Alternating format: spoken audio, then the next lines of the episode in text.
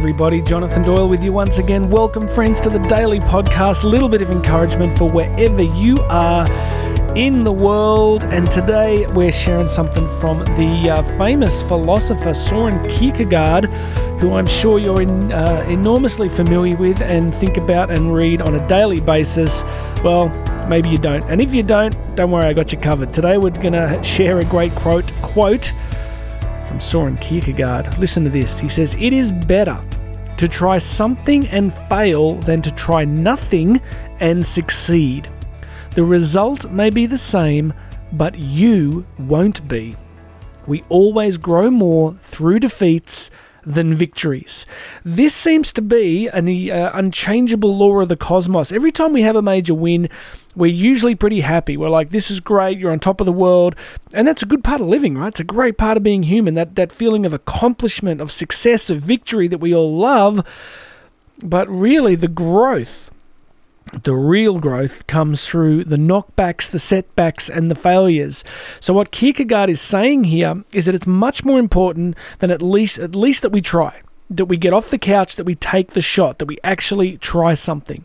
So, you know, for many years, I was really, you know, I think this was a big problem for me. I wanted to be sure. I wanted to know that if I was going to do something, I'd get a result. And I can't always know that. I couldn't always know that. So, over time, I slowly learned that you just have to start, that you have to try. So Kierkegaard says here that even if you sort of fail or succeed, he goes, once you try, the result can go either way. The result may be the same, but he says you won't be. You won't be the same.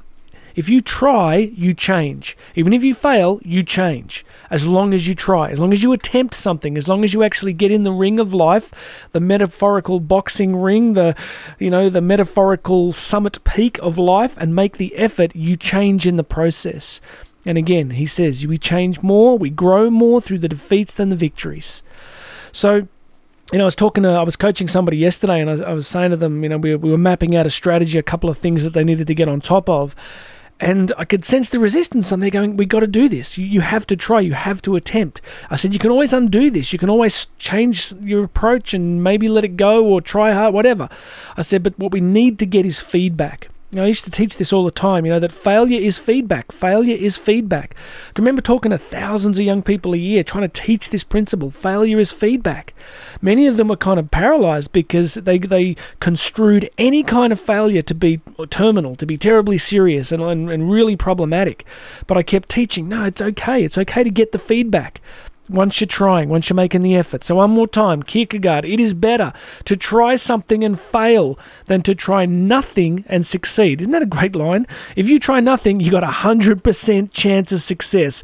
Those are great odds if you want a really mediocre life.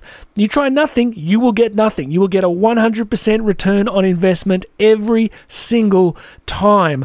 But it's doing the other stuff, the stuff where you may fail where you grow. And he finishes again by saying the result may be the same, but you won't be. We always grow more through defeats than victories. So here is my question to you today What are you not doing? What are you kind of vaguely turning around in your head and thinking about occasionally and maybe talking about, but not actually doing? Every single one of us has got one. And you've got to put yourself in the fire. You got to do it. You know, I said last week I just signed up for a 255 kilometer race uh, with five kilometers of vertical climbing. And I said to Karen yesterday, I said, you know what? This one's going to hurt. I said, I've done a lot of crazy stuff, but this one's going to hurt. And I just realized yesterday I got a speaking engagement in another state the next day right? The next day. So 255 kilometers, five kilometers of vertical climbing, and then I got to be on stage within 24 hours. So this is going to hurt, but you can hear it in my voice. I'm kind of pumped. I'm kind of like, you know what? This is going to be red hot. This is going to this is going to be insane. And uh, I won't do this forever. I won't physically be able to, but I'm going to grow and I'm going to have a shot at it. And uh, I just want to encourage you as well. Get your feet in the fire, commit to something, say yes to something, make the call, send the email, check the website, do whatever it is that you are avoiding. Because if you just sit there, you got success, you got 100% success at achieving nothing. So be encouraged, get out there, have a go, try something. That's how we move forward. All right, friends, that's it for me today. Please make sure you've subscribed. Hit the subscribe button wherever you're listening.